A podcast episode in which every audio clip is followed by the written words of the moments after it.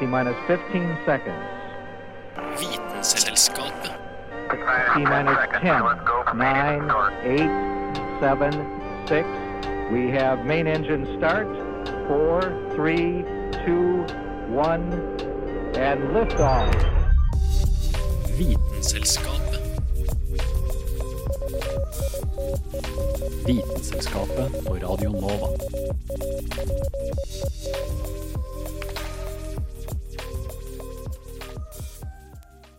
Ja, og velkommen skal du være til Vitenselskapet på Radio Nova. Mitt navn er Ida Katrine Vassbotn, og her i studio så har jeg med meg Hanne Grydeland. Og Karl Adams Kvam. Og i dagens sending, eller i dagens røde tråd, er reaksjoner. Og det kan jo være så mye. Altså om det er reaksjonene du har til at det kommer en bil kjørende mot deg, eller eh, en reaksjon av en vulkan, eller rett og slett reaksjon du kanskje får av at du spiser ei peanøtt fordi at du er himla allergisk. Men eh, mer om det skal vi få vite om ganske snart. Å vite vet Vitenselskapet.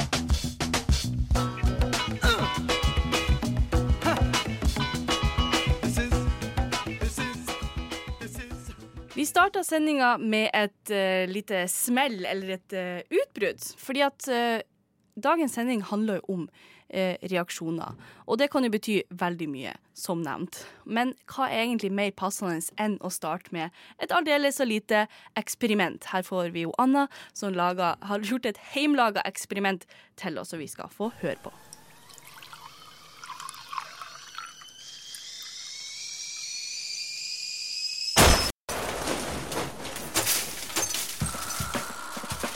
Vitenselskapet eksperimenterer.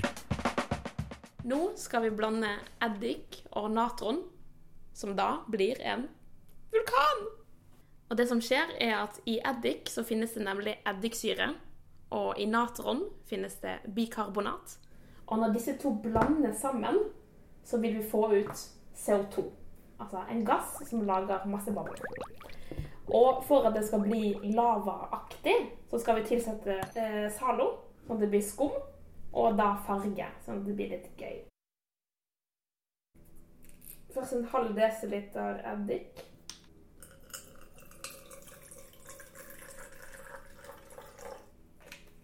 Så skal vi ta noen dråper med Zalo. Og så skal vi ta en farge. Blande litt. Og så skal vi tilsette natron. Og da skal det, ifølge teorien, begynner å produseres CO2-gass. Og da vil det da bruse. Oi, oi, oi, oi, oi. Oi, oi, oi! Vulkan! Det er jo ganske gøy, da. Se på den, da. Programmeretten er mye, mye eddik, mye såpe, mye natron. Og blandes godt. Da får du det til. A few moments later. Jeg må innrømme at jeg er litt skuffet egentlig av hele dette vulkanprosjektet. Fordi jeg så for meg at det skulle liksom eksplodere i taket, på en måte. Ikke eksplodere, men at det skulle liksom skumme over uten Altså hemningsløst. Men det gjør jo det absolutt ikke. Det renner jo bare ut av flasken. Ja, men det funker i hvert fall, da. Vi har jo klart å produsere CO2-gass fra eddiksyre og bikarbonat. Så vi har jo bestått.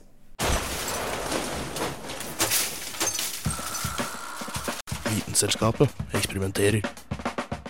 Ja, og hvis du faktisk vil se resultatet av dette eksperimentet, så kan du gå inn på vår eh, YouTube eller på Instagrammen vår hvor vi heter Vitenselskapet. Og det var Anna Vik Rødseth som hadde gjennomført dette eksperimentet. Så altså, jeg gjentar, hvis du vil se det og alle disse fine fargene som eksperimentet eh, hadde, så går du inn på YouTube eller Instagram hvor det kommer ut en video av dette. Men det her var jo bare en ufarlig vulkan på kjøkkenbenken. Men det er ikke helt likens som vulkaner ute i verden, eller hva, Hanne? Nei, eh, vulkaner, ekte vulkaner, det er jo ca. over 500 av dem i eh, verden. Det er ganske mye. Ja, det er ganske mange vulkaner. Men hvor er det det er mest vulkaner, eller hvor, hva er det vi tenker sånn? Her Eh, er det dritmange. Island. Ja. Fordi eh, hvem kan glemme ordet askefast. Det husker jeg ganske greit. Ja. Eh, Husker du hva som skjedde i 2010, Carl? Eh, ja, nei, det var jo en eh, vulkan på Island som gikk i lufta. Så fart det fryktelig med oske i lufta. Det var vanskelig å fly. Ja, eh, det var akkurat det som skjedde. Eller alle flyene ble jo satt på bakken, eh, i hvert fall over store deler av Europa, fordi askepartikler eh, kom inn i flymotoren og førte til store motorproblemer. Motorene risikerte å stoppe. Oi, shit. Det, det var faktisk mer alvorlig enn jeg trodde. Jeg trodde også det var bare sånn de ikke kunne se for det var så tjukke skyer. Men at det faktisk kan påvirke flyene. Ja, nei, det er eh, det at flyene rett og slett ikke klarer å fly. Eh, men det fikk jo de fleste med seg hva askefast var. Men hva skjedde oppi vulkanen som førte til at disse askepartiklene ble slynget ut over store deler av eh, Europa? Det er litt morsomt, fordi eh, den eh, vulkanen som hadde utbrudd på Island i april 2010 Eh, Den het Eiafjallajökull. Yes, enkelt å si det. Em, midt på Island så er det jo en sånn svær vulkansk Mye vulkansk aktivitet, for det er um, eh, sånne Kontinentalplater. Ja. eh, Så kommer magma opp. Eh, men det er jo også mye isbreer og snø og is på Island. Så over eh, Jøkul så lå det en svær isbre. Og da vulkanen hadde utbrudd, så ble det isbrevannet, eller brevannet, ble varma opp til koking. Sånn. OK. Og da fikk du jo noe Du fikk sånne dampeksplosjoner som skjedde oppe i vulkanen. For det kom så mye smeltevann ned i vulkanen. Ja, for det, men lå da den her isbreen over åpninga, eller lå den liksom Eh, ja, nei, den lå liksom over åpninga, okay. på en måte, da, tror jeg. Eh, og så um, magma, det består på en måte hovedsakelig av silisium og oksygenatomer. Uh, så når, de, uh, når det kommer vann oppi en sånn smelte, eh, så eh, er det noe som skjer eh, Det er noen bindinger og sånn som brytes oppi der. Eh, så du får en sånn veldig sånn um, eksplosiv kraft, da, eller du får en ekstremt sånn tyntflytende suppe, på en måte. Eh, så når eh, eh, du får vann oppi den suppa, Ja. så vil magmaen på en måte bare forstøve, da, som de sier. OK. Mm. Så den blir ikke til røyk, den blir til støv? Eh, ja, så du får masse sånne bitte små partikler, da. Eh, eh, av sånn vulkansk aske, som er sånne vulkanske steinpartikler. Så det som skjedde, er at du får masse sånn brevann oppi, og det brevvannet det fører både til at det dannes sånn suppe, altså veldig tyntflytende magma, og det fører til masse dampeksplosjoner. Og den kombinasjonen førte jo da til at det ble slynget masse sånne vulkanske steinpartikler ut i atmosfæren, og det var det som satte seg inn i flymotorer og før, førte til askelegging av Europa, da. Men jeg bare tenker litt sånn, når denne aska her, at det kan føre til hele Europa, det er jo litt sånn Nei, nå blåste det sand fra Sahara, for jeg vil jo tro at det her er jo så lett at det bare fer med vind overalt. Mm. Det er vel det som er greia. Men tenk, tenk hvor ille det må være for de som faktisk bor på Island. Jeg husker, Det er jo så lenge siden, jeg husker ikke om de måtte gå med munnbind, eller om det var farlig for de, eller Nei, eh, altså, akkurat i 2010, det er jeg ikke helt sikker på, men i 1783 så var det en eh, annen vulkan på Island som eh, hadde utbrudd, som het Laki. Eh, og det ble slynget ut så sykt mye aske eh, at det var sånn at eh, av fluorforgiftning fra den eh, askeskyen, eh, så anslår man at halvparten av eh, kyrne og tre fjerdedeler av sauene og hestene på Island døde i løpet av ett år. Eh, og det ble på en måte en blå tåke av svoveldioksid over hele Island. Og det var ikke mulig å drive landbruk. Eh, og på grunn av det så eh, sier man at det var mer enn en femtedel av Islands befolkning som døde av hungersnød på slutten av 1700-tallet på grunn av det utbruddet.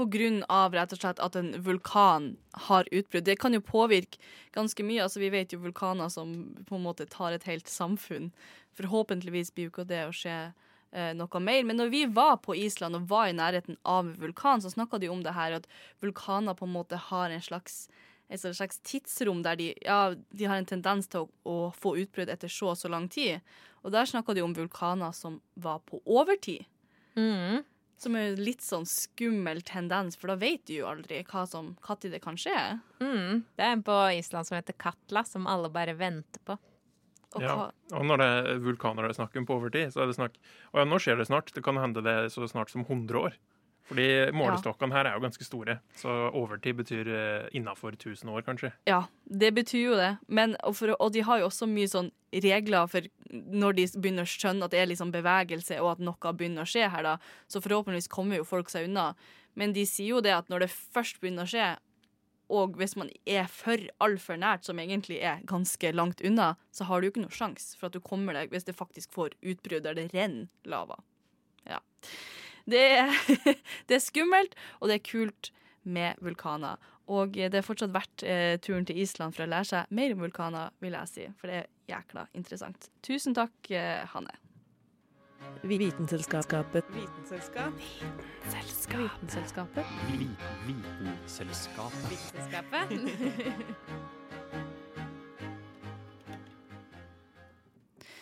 Altså, som jeg nevnte tidligere, det her med allergier. Det kan jo være noe skikkelig dritt. Jeg sjøl tåler ikke melk. Da kan man jo få vondt i magen, må kanskje gå litt akutt på do og sånne ting. Eh, andre må jo eh, holde seg unna diverse pelsdyr eller ta medisiner for dem. Og noen kan jo ha litt sånn allergi når det gjelder mat, at hvis du da spiser eh, nøtter, eller også f.eks.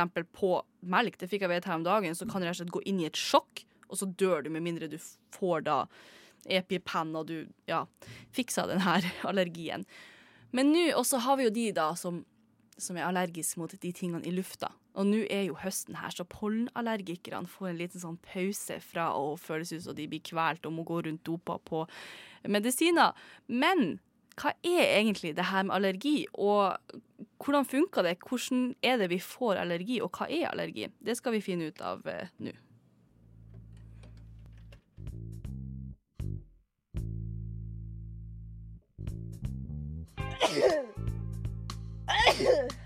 Hva var det? Var det en forkjølelse? Var det influensa? Var det bihulebetennelse? Nei, det er jo så klart bare vanlig pollenallergi, som jeg, i likhet med over en femtedel av den norske befolkningen, har. Heldigvis er pollensesongen over for denne gang, men det hjelper ikke så mye for de som har andre allergier de plages med.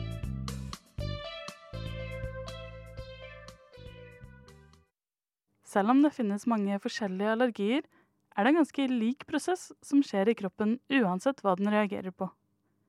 Vanligvis kommer allergier av at kroppen reagerer på stoffer som egentlig er helt ufarlige, sånn som pollen, matvarer eller støvmidd. Disse stoffene man kan reagere på, kalles for allergener, og er det som blir feiltolket av immunforsvaret som farlige stoffer. Når du får en allergisk reaksjon, skjer det følgende i kroppen.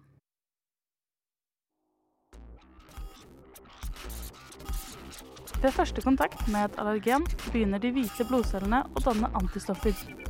De har oppdaget inntrengere og forbereder seg på forsvar. Et av disse er IGE-antistoffene, som forbereder immunforsvaret i tilfelle det skulle møte allergenene igjen. Dette betyr altså at du ikke får noen reaksjon første gangen du møter et allergen. Men kroppen vil huske møtet, og IGE-antistoffene vil binde seg til mastceller rundt omkring i kroppen.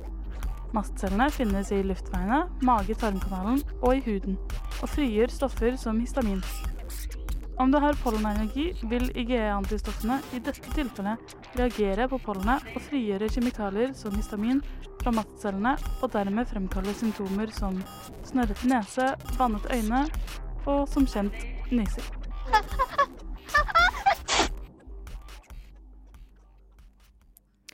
I dag finnes det jo heldigvis eh, medisiner man kan ta som gjør det levelig med de fleste typer allergier.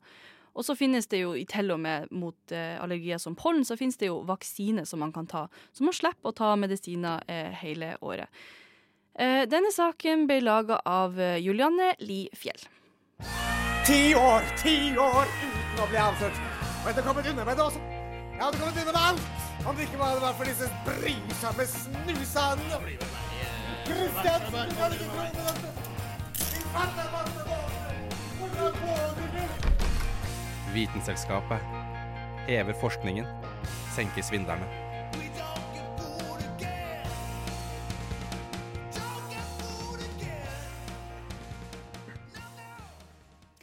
Nå skal vi til den reaksjonen som sikkert de aller fleste kjenner seg igjen på, og som kanskje er den beste reaksjonen på veldig mange ting, nemlig latter. Og der har du litt ting å si om det, Karl.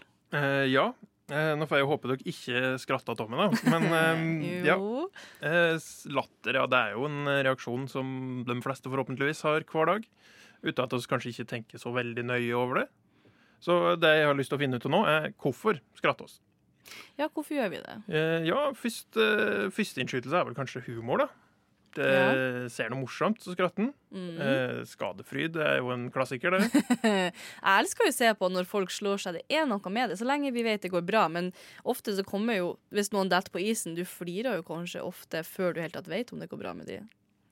Litt Ja. fælt, men ja, sant. Eh, ja, så humor er jo en klassiker der, da. Og det er en fyr som heter Robert Provine fra University of Maryland, som eh, for ei stund tilbake tok og skulle forske litt på det med latter. da. Så da tok han opp eh, forskjellige samtaler rundt omkring. Eh, fra trikkestoppen til hjemme i stugu. Eh, og det han oppdaget da, var at eh, bare 10-20% av all latter kom fra en klassisk spøk. da. OK. Det gir egentlig ganske mening, for at det er jo sjelden at du flirer av en skikkelig god spøk. Det er ikke så mange som forteller vitser, kanskje. Nei, det er jo, det, det er jo faktisk ikke det. Men jeg Det er regner med at de mener sånn morsomme ting, da. Ja, sagt. det her er spøk i vid forstand. Altså for eksempel en person som uh, ramla seg, ville vært en spøk da. Eller for eksempel en som bare lager en lyd i riktig kontekst. Det kan telle som en spøk, det òg. Men det er bare, bare 10-20% av alle tilfeller. Altså Det som gjør det enda latterligere, Mm. er at eh, det er jo en som forteller, og et publikum. Det er 50% oftere den som forteller det morsomme, som skratter, enn den som er publikum. Oi! Og det er jo litt trist, på en Ja, måte. litt trist. For jeg tenker sånn OK, flirer de nå da for å få de andre til å flire? Eller nervøs fliring, kanskje det er det? Eh, kanskje. Eh, nei, så at det er for humor, det er jo en del av forklaringa, men det er tydeligvis ikke hele forklaringa, da. Eh, så er det en annen del av det som handler om kjærligheten. OK. For en god latter, det gjør en eh, nærmere som eh, partnere, ikke sant? Uhu, godt tips. Eh, ja, eh, I den studien som jeg refererte til, så er det noe om det. Eh, det handler om kvinner og menn, da. Det er litt Mm. sånn gammeldags sånn sett. Men eh, statistisk sett så skratter damer mer, OK. mens menn oftere er den som forteller vitser. Skeiv rolle der, da, altså. Ja, og så var det sånn at de hadde sett på noe sånn eh, ja, Tinder i gamle dager. Sånne avisnotiser der det var Ja. eh, mann søker dame og motsatt. Da var det mennene sa ofte at de var morsomme, og damer sa ofte at de ville ha en morsom mann. Ja, for det er sånn tips man har hørt. Å, du må få en som får deg til å flire resten av livet ditt. Å, da blir det et kjempebra forhold. Ja, men hva skal egentlig mann Jo, vet du hva, mann, han lever jo på det at åh, noen flirer til meg. Fordi at den spøken her hadde, altså. Ja, det er mye å tenke på bak det her, altså. Så det, det ligger nok noe her, men det er nok ikke avgjørende heller. En annen grunn til skrattet er for helsa sin del.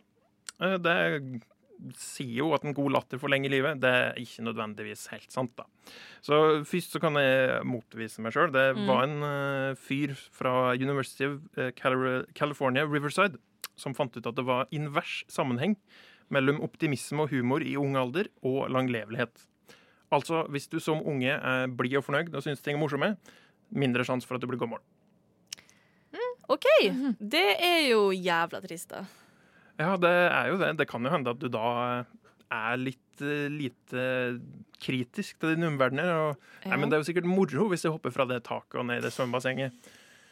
Kanskje ikke går så bra. Det er et godt poeng også, men jeg tenker jo at hvis man flirer, så har man det jo bra. Så når du da er voksen og at du flirer, så betyr det kanskje at du ser litt lyst på livet, annet enn at hvis du ikke flirer, så ser du litt mørkt på livet, og depresjoner tar livet av folk. Eh, Det ja. tenker jeg på den motsatte sida. Ja, eh, nei, men i hvert fall eh, så er det jo noen medisinske ting ved helsa, da. Det er både at det demper ubehag, smerte og stress har blitt påvist. Men eh, sånn for å oppsummere så vil det jo være altomfattende av det her, fordi å skratte for fellesskapet sin del. Det er jo en sosial ting. Du Ja. skratter ikke nødvendigvis for ting er morsomme, men du skratter for å vise den andre personen at du hører etter og er vennlig innstilt. Å, den er litt trist, men den er også litt hyggelig, fordi at du vet, du, hvis du drar på standup, har dere noen gang flira bare fordi at her burde vi kanskje flire? For det er Mm. synd i de på scenen. Det er kanskje sånn du gjør det vennene dine. Eller kanskje ikke vennene dine, så du er veldig nært, men hvis du har en, en, en bekjent som slår en spøk som de da vil ha en reaksjon på, da setter vi jo i gang og flirer. Mhm. Men tror vi det, er det bra, eller er det negativt? Jeg tror latter er bra sosialt glidemiddel. Å skratte, skratte sammen, ikke alene. OK. Skal vi flire på slutten? ja, for jeg har også hørt det at hvis du flirer, så setter du i gang fliringa. Hvis du flirer falskt, så setter du i gang den ekte fliringa. OK. Tusen takk til deg, Karl. Du hører på Vitenselskapet på Radio Nova.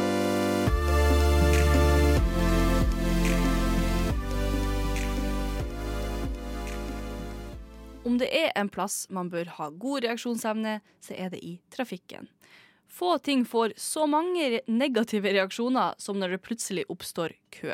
Hun, eh, Kristin Grydeland har tatt seg en tur ut i trafikken for å se litt nærmere på hva det egentlig er som gjør at det oppstår køer. Kø nå? Det er jo ikke engang rushtid, og allikevel så står det helt stille. Hvor kommer alle disse bilene fra?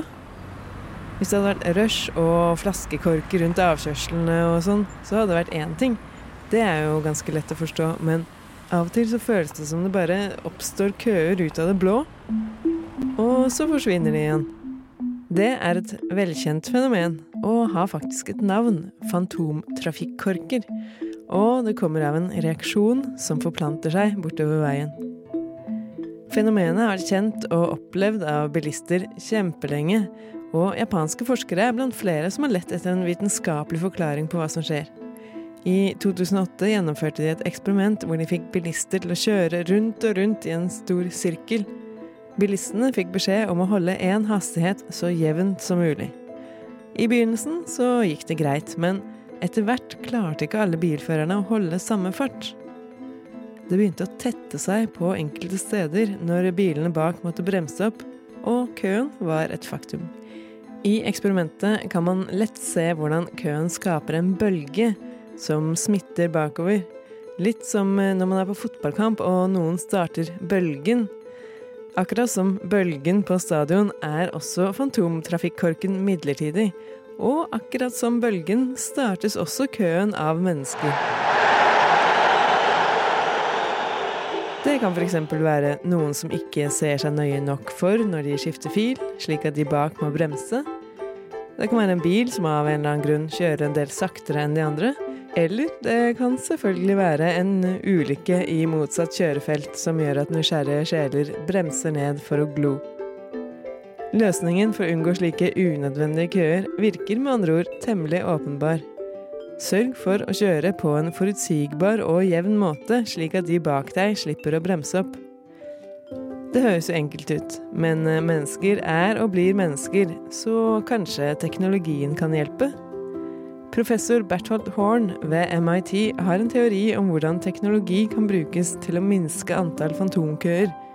Hvis alle biler holder jevn avstand, vil det ikke bli kø, så det Horn foreslår er at bilprodusentene tar hensyn til dette i sine adaptive fartsholdersystemer. Med sensorer både foran og bak kan bilene følge med på avstanden både til bilen foran og bilen bak, og legge seg midt imellom disse. Om bare noen få prosent av bilene gjorde dette, vil køene dø ut mye raskere, hevder MIT-professoren. Men det gjenstår å se. Kanskje en gang i fremtiden, når alle bilene kjører seg selv, vil køer være historie?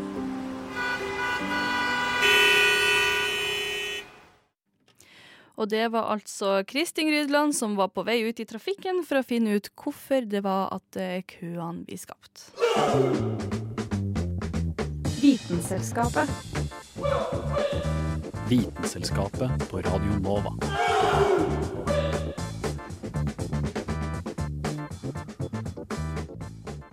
Vi har alle sammen sett på søte dyr på sosiale medier, og kanskje f.eks. ei katt som står og stanger, skal vi kanskje ikke si, men står og eh, prøver å være litt skummel mot en annen katt, men så er det egentlig sitt eget speilbilde. Og hva er det egentlig som gjør det at dyr ikke skjønner at det er dem sjøl som de da står og prøver å være skummel mot? Nei, nå spør du fryktelig godt, da. Men eh, det er jo en eh, klassiker innenfor eh, biologien som heter for mirror test, eller speiltest. For hvis du putter noe framfor et speil, hvordan reagerer det? Hvis det skjønner at det er seg sjøl, så er det jo tydeligvis et veldig sjølbevisst vesen, sånn som oss. Og Ja. hvis det går og stanger imot, så er det jo ja, et annet type vesen, da. Det Ja, er antagelsen, da. For det er jo litt det der at vi ser oss jo i speilet med vilje for å se hvordan vi ser ut. Altså, et dyr tenker jo ikke i de baner i det hele tatt. Altså, det er jo, skjønner jo at vi kjenner oss sjøl igjen. Ja, eh, nei, så det er da et tegn på sjølbevissthet skal være så Derfor så tenker vi at eh, delfiner de er så smarte. De kjenner seg sjøl igjen i speilet. Elefanter er akkurat som òg. De er også smarte. Eh, Sjimpanser er smarte. Og så skattu, eh, altså skjære. Ja, Kråke, ja. Kråkefugler er kjent Ja. for å være fryktelig smarte. Så ja, da vet vi at vi har forskjellig intelligens på dyr. Noen er smarte, noen er dumme. Mhm. Men så er det ikke sikkert at denne testen holder, da. Det En ting som ødela fryktelig, var at det var en, en leppefisk. Det høres ikke ut som en veldig intelligent skapning. Nei. Tropisk leppefisk. Tenk generelt at fisker ikke er så smart, men det er bare Ja, det, det er vel generelt oppfatninga. Det var en som de tegna en gul flekk på, og eh, som han da begynte å gni bort med en gang. Det, det ødela litt for eh, Ja, det- fisken begynte å gni bort flekken. Fisken begynte å gni bort flekken på seg sjøl ut ifra det han så i speilet. Oi. Hvordan gnir en fisk bort en flekk? Ja, jeg bruker halen, da. Eh, det, de kan vel å rengjøre seg sjøl. Eh, så ja, det ødelegger litt for hele den ideen at eh, hvis du har et speil, så kan du finne ut om et dyr er sjølbevisst eller ikke. Eh, særlig ett problem vi oss har, er jo at det er veldig synsentrisk. Eh, altså oss bruker synet veldig mye. oss bruker selvsagt andre sansene, men også veldig fokuserte på synet. Ta eksempel ei flaggermus som ikke ser på tradisjonell måte i hele tatt. Bruker ekko. Putter du han framfor en speil, så har du jo ingen peiling hvordan han reagerer på akkurat det. Og så er det noen dyr som navigerer mer med lukt. De fleste dyr faktisk er mer opptatt av å lukte enn av å se. Så da, da speilet De ser noe, men de lukter ingenting. Nei. Da er det ikke så rart at det er litt forvirrende. Det, det skjønner jeg. Og eh, jeg vil tro det at eh, Men jeg, tenker også sånn Altså, hvis et dyr hadde i hele tatt blitt vant til å se seg sjøl i speilet, tror vi da at det hadde skjønt mer og mer at det er den? Det går sikkert an å trene en sjimpanse til å sminke seg i speilet, i hvert fall. Ja, men de er jo veldig smarte dyr. De er jo basically oss. Også basically dem, ja. Ja, OK. Enig. Sånn det var. Men eh, har vi en konklusjon på burde vi få dyr til å kjen- gjenkjenne seg sjøl? Er, det- er det bra for dem å vite sånn det her er sånn du ser ut? Nei, nå stiller du et stort spørsmål her Ja, det her er synsing. Det, det aner jeg virkelig ikke. Eh, sånn sjølbevisste som oss er blitt, eh, så Ja. har vi jo fått til veldig mye, men vi har jo òg ødelagt halve kloda. Så ja, jeg tenker vi kanskje ikke skal hige mot at folk skal bli mer like oss. Nei, folk. eh, Individer skal bli mer like oss.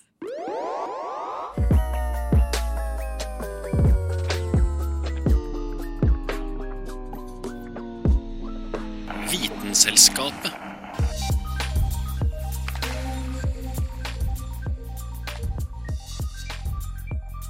Eh, vi konkluderer med at eh, sendinga i dag er over. Eh, hvis du vil høre mer av Hvis det var noe du gikk glipp av i, i denne sendinga, eller noe du vil høre fra, fra tidligere sendinger, så finner du oss der du finner podkaster. Og hvis du vil se eksperimentet som Anna laga i dag, hun laga en fargerik vulkan, så må du gå inn på vår YouTube eller på vår Instagram. Bare søk på Vitenselskapet. Og i dag så har jeg fått med meg Hanne Grideland. og Karl Adam Skvam. til å lage denne sendinga. Og vi er tilbake neste uke. Så tusen takk for at du hørte på oss i dag, og ha det godt. Ha det. Selskapet.